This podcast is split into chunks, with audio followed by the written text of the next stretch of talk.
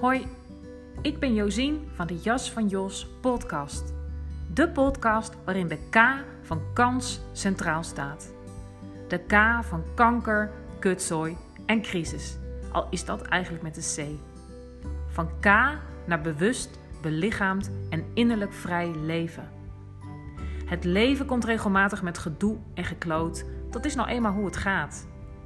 Daarin de kans leren zien en vooral voelen is jouw pad van zelfbevrijding en levenskunst via embodiment, persoonlijke ontwikkeling en spirituele groei.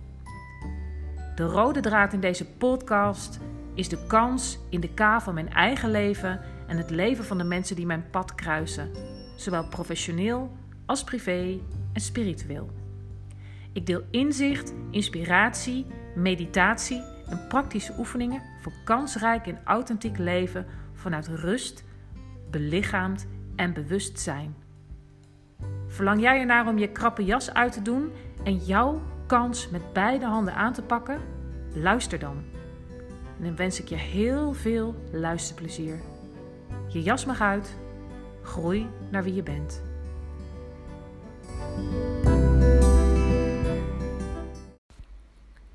In deze aflevering van de Jas van Jos podcast zul je horen over de polyvagaaltheorie, het autonome zenuwstelsel, de window of tolerance en zijnsoriëntatie en de koppeling tussen die vier.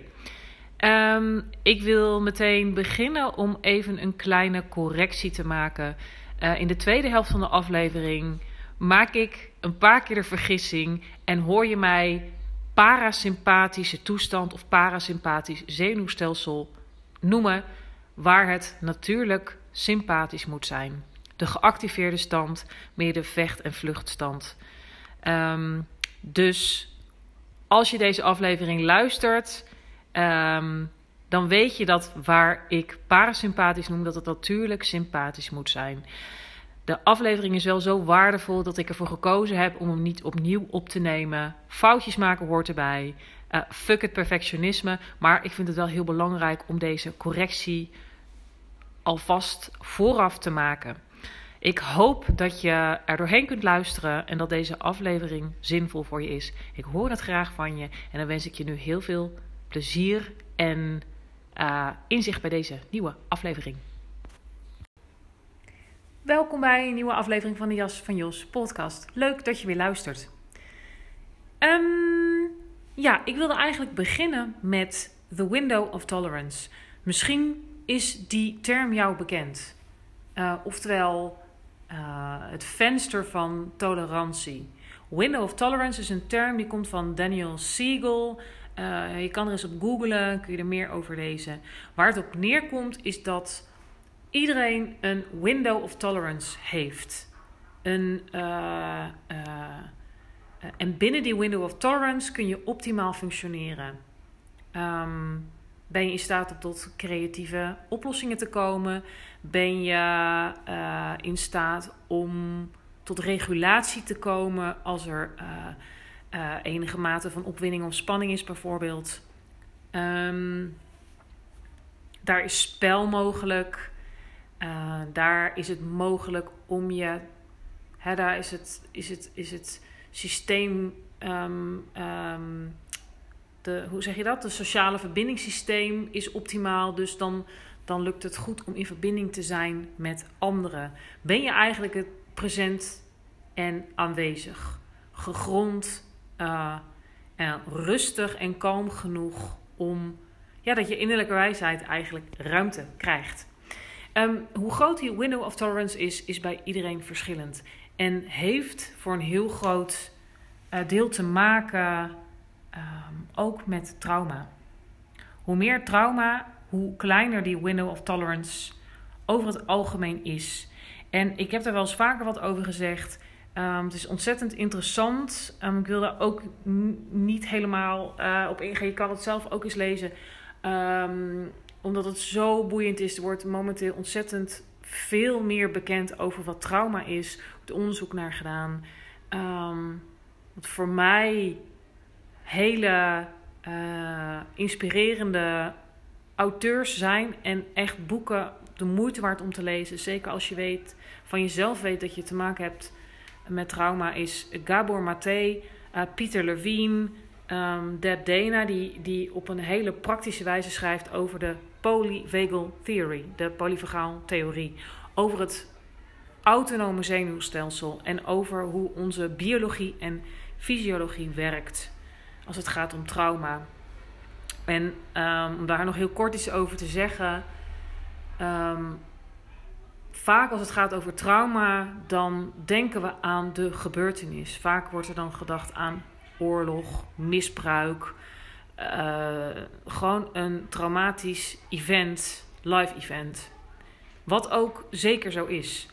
Um, maar dat kan ook gaan, hè, dus als jij bijvoorbeeld als kind structureel Um, bijvoorbeeld wel heel vaak nieuwe kleren kreeg en cadeautjes en dat soort dingen. Uh, maar eigenlijk emotioneel weinig bent ontmoet. Sorry voor de, de school is hier uit, dus je hoort allerlei kinderen op de achtergrond. Dan, dan, dan is er ook sprake van trauma. Maar dan nog, uiteindelijk waar trauma echt over gaat. Uh, ik heb trouwens Bessel van der Kolk nog niet genoemd in zijn boek The Body Keeps the Score. De, hoe de sporen van trauma in het lichaam zijn opgeslagen. Dus als het gaat over trauma, dan um, is eigenlijk zeg maar het gevolg van dat wat jou is overkomen of waar het je aan heeft ontbroken. Um, hoe het lichaam heeft gereageerd zeg maar, op die dreiging, op die onveiligheid, op die angst zelfs doodsangst. Um, en hoe dat, dat proces van regulatie eigenlijk uh, niet optimaal zich heeft kunnen voltrekken, om het zo maar te zeggen. Um, dan, dan, dat is eigenlijk waar trauma over gaat. Um, en ik zei het in een andere aflevering al, een soort overalert zenuwstelsel. Wat heel autonoom functioneert. Dus buiten jouw uh, bewustzijn en bewuste invloed. En um, dan kan het dus zijn dat voordat je het weet, je eigenlijk in een, uh, in een uh, vlucht- of vechtrespons eigenlijk terechtkomt. Um, en dat is dus niet iets wat jij doet, dat gebeurt. Want het systeem detecteert gevaar. Bijvoorbeeld, um, stel om een voorbeeld te geven. Um, je bent als kind uh, afgewezen op jouw intellectuele capaciteiten. Of er werd gezegd van, ah nee, hè, uh, uh, met alle goede bedoelingen dat het ook oké is om naar de MAVO te gaan. Bijvoorbeeld, ik, ik noem maar wat. En je daar zelftwijfel op ontwikkelt.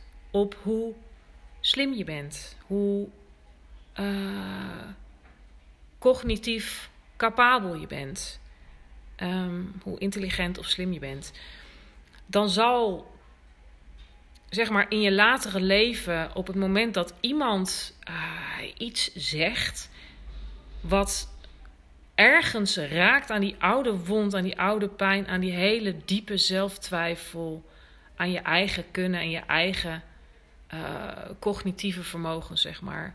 Dan, dan voordat je het weet, dan hè, dat, dat, dat, roept dat een soort gevoel van afgewezen, onveiligheid. Um, en, en daarom vind ik die polyvagaal theorie en uh, helemaal ook hoe trauma werkt zo ontzettend boeiend, complementair aan het werk dat ik al doe, omdat dat autonoom opereert. Dat is iets biologisch, fysiologisch en um, dat gaat zo snel nog voor dat jouw, uh, jouw, hoe zeg je dat? Je dat met je mind doorhebt. En um, het wordt ook wel neuroceptie genoemd. En ik heb wel, ik weet even niet meer in welk boek dat nou is. Maar dat vond ik wel een hele mooie. Neuroceptie gaat voor perceptie. Dus, dus dat wat er eigenlijk in het autonome zenuwstelsel en dus in het lijf gebeurt, dat komt eigenlijk voordat jij. Hè, voordat het mentale verhaal zich vormt. En daarom is het zo belangrijk om hiervan te weten, omdat Um, er is vaak zoveel sprake van zelfafwijzing en uh, zelfkritiek. Um, ook op het moment dat je bijvoorbeeld reactief wordt of uh, boos. Um, je, je, de, de neiging om uh, weg te gaan uit de situatie niet kan weerstaan. Dat er vervolgens zelfafwijzing komt. maar dit gegeven ontslaat je van iedere uh, schuld en schaamte, omdat dat autonome zenuwstelsel dat functioneert zeg maar buiten jouw bewustzijn om. Um, betekent niet dat het niet beïnvloed kan worden, maar in eerste instantie komt dat eigenlijk voor, hè, dus die neuroceptie, dus, dus de reactie van het autonome zenuwstelsel, voor jouw bewuste perceptie. Um, en op het moment dat het, dat het lichaam, het systeem in zo'n uh, stressstand komt in uh, vluchten of vechten. Of als het zo overweldigend is, hè, in een soort ineenstorting of dat die bevriezingsreactie komt. Hè, het eerste zit je boven die window of tolerance en bij die tweede zit je daaronder.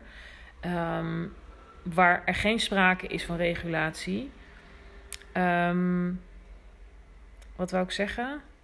Dan is dat eh, vervolgens wat het mentale verhaal vormt. Dus als je al een bepaalde overtuiging hebt, doordat het lichaam zo reageert, houdt dat verhaal ook in stand. Nou ja, en gedachten hebben weer eh, invloed op, uh, op gevoelens en emoties. Nou, en dan kom je echt in een soort neerwaartse spiraal of escalatie kun je terechtkomen. Um, in de zijnsoriëntatie noemen we dat toestand X.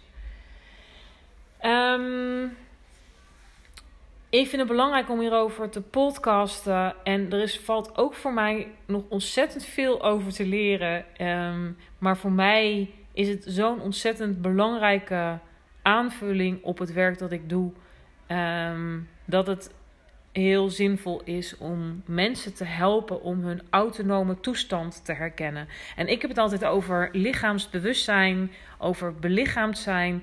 Nou, op het moment dat je buiten die window of tolerance bent um, dan is, dan is uh, belichaamd zijn gewoon best wel een moeilijke opgave. Want je schiet eruit. En zeker als je in een soort bevriezingsstand komt. Ja, dan, dan is er eigenlijk zo weinig sprake van, uh, van de, waarneming, de waarnemer kunnen zijn. Dus kalmte en rust.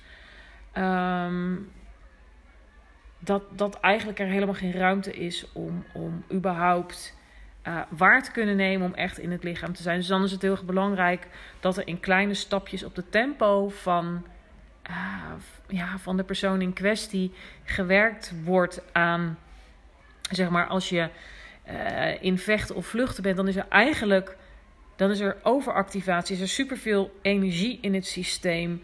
En dat, dat heeft ontlading nodig om weer naar de uh, en dat noemen ze in de polyvagaal-theorie de ventraal-vagale toestand. Dus weer binnen die window of tolerance.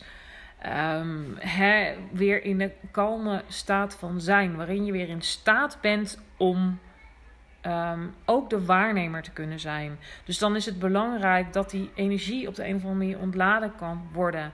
En je weer binnen je window of tolerance terechtkomt. En als je zeg maar onder die window of tolerance terechtkomt dus meer in het bevriezen of ineenstorten. Wat vaak gebeurt als de angst zo overweldigend is, um, dat er eigenlijk een soort shutdown in het systeem komt.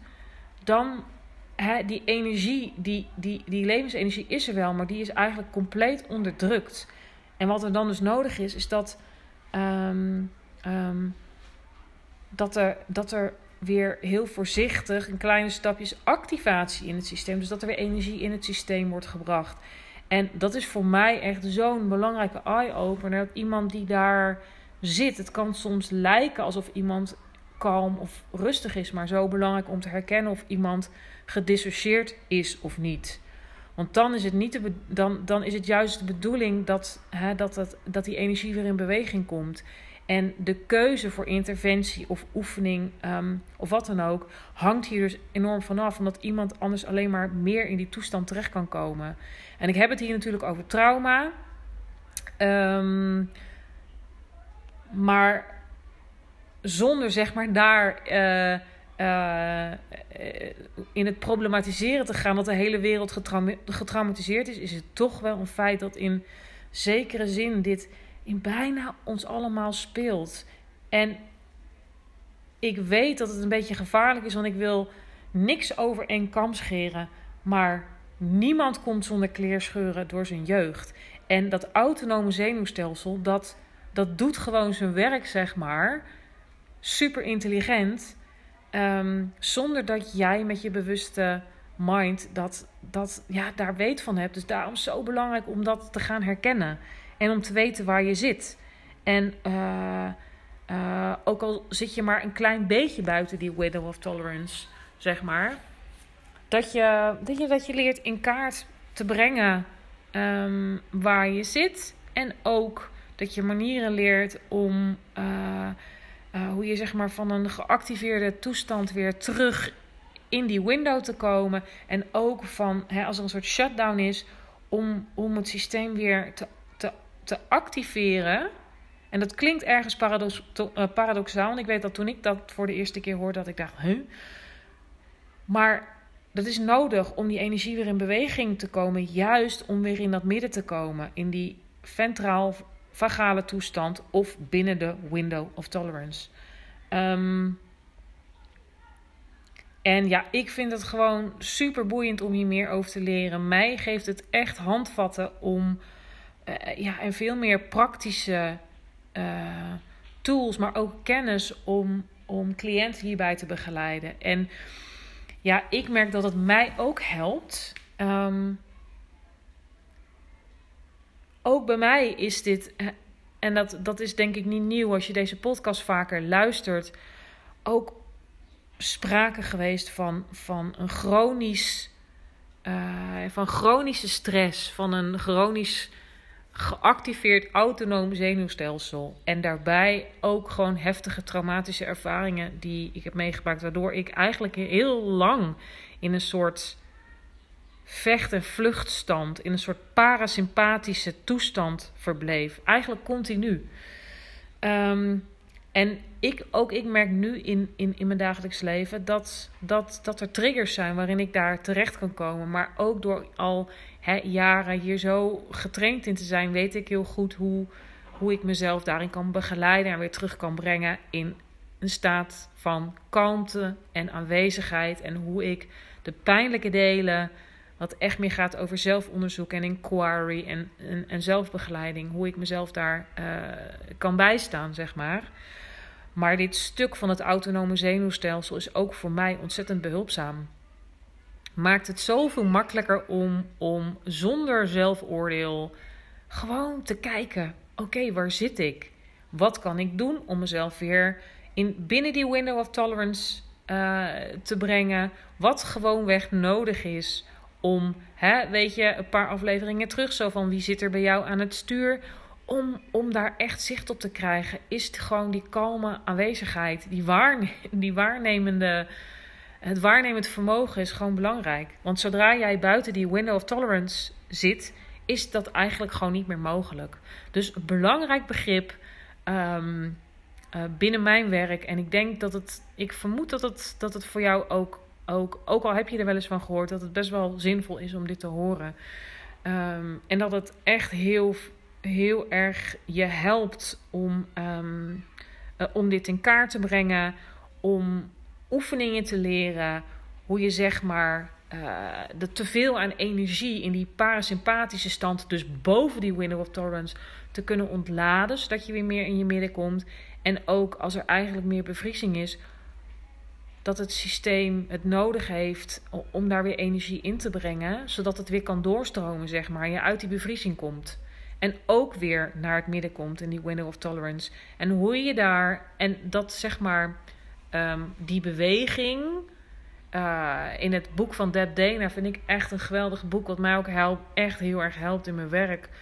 Uh, zij hè, um, beschrijft zeg maar de ladder waarin die, die, die window of tolerance, of noem het de ventraal-vagale toestand je midden, zoals ik het vaak noem, daar waar de waarnemende uh, uh, capaciteit er is, zeg maar, de kalmte, de presentie, de aanwezigheid. In het midden van de ladder de parasympathische toestand bovenaan de ladder en het ineenstorten bevriezen onderaan die ladder. En dat op het moment dat het systeem eigenlijk, hè, als, er, als het systeem niet getraumatiseerd is, maar in een normaal, normaal gesproken. Hè, ik, ik, ik heb dat in de yoga ook vaak over. Die stress is nodig. Dus dan kan het systeem eigenlijk soepel van activatie naar weer kalmte, naar uh, um, zeg maar helemaal uh, de kalmte inzakken. Ik kan, kan dat heen en weer bewegen. Maar op het moment dat er sprake is van dysregulatie uh, en trauma, dan, dan wordt het gewoon een moeilijker verhaal. Um, en door te werken met die ladder en te leren herkennen uh, waar zit ik, uh, wat zijn mijn triggers, um, wat kan me helpen om uit deze toestand te komen, wat kan mij helpen om binnen mijn window of tolerance of in die vagaal ventrale um, toestand te blijven. Ja, dat is ontzettend behulpzaam.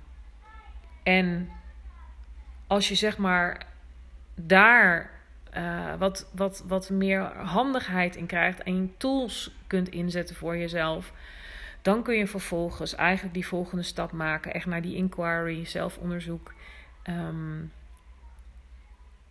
Hè, uiteindelijk gaat dit ook over zelfbevrijding, maar dan kan je, ja, kan je meer onderzoeken van oké, waar, hè, zonder dat, dat je dat dat, dat traumatische verhaal helemaal constant moet herhalen. Want uiteindelijk is dat niet eens per se nodig. Maar wel um, uh, binnen je window of tolerance is eigenlijk alleen maar mogelijk om, om uh, um, ja, hoe zeg je dat? Adequaat dit werk te kunnen doen. Omdat je anders te veel samenvalt. Um, ja, met die dysregulatie, om het zo maar te zeggen. Ik vind het in ieder geval een ontzettend mooie aanvulling op het zijnsgeoriënteerde lichaamsgerichte werk. Het, het is complementair aan elkaar. Mij helpt het ook in mijn uh, dagelijkse zelfbegeleiding, in mijn persoonlijk proces ook ontzettend. En uh, in mijn werk met cliënten. Um, heel mooi om hier veel van te weten. Ik zou je aanraden, als je nog nooit van de polyvagaaltheorie hebt gehoord, uh, zoek het eens op. Um, die, net als de window of tolerance. Um, en het autonome zenuwstelsel. Want het is gewoon ontzettend, ontzettend boeiend. En daar zitten nog weer allerlei haakjes aan waarin ik uh, het graag over zou willen hebben. Maar ik zie dat ik alweer 20 minuten aan het ouwe ben. Dus ik laat het hierbij. Um, heb je vragen, opmerkingen of, of heb je zoiets van: oh, daar zou ik meer over willen weten? Um, laat het me weten via een DM'tje op Instagram.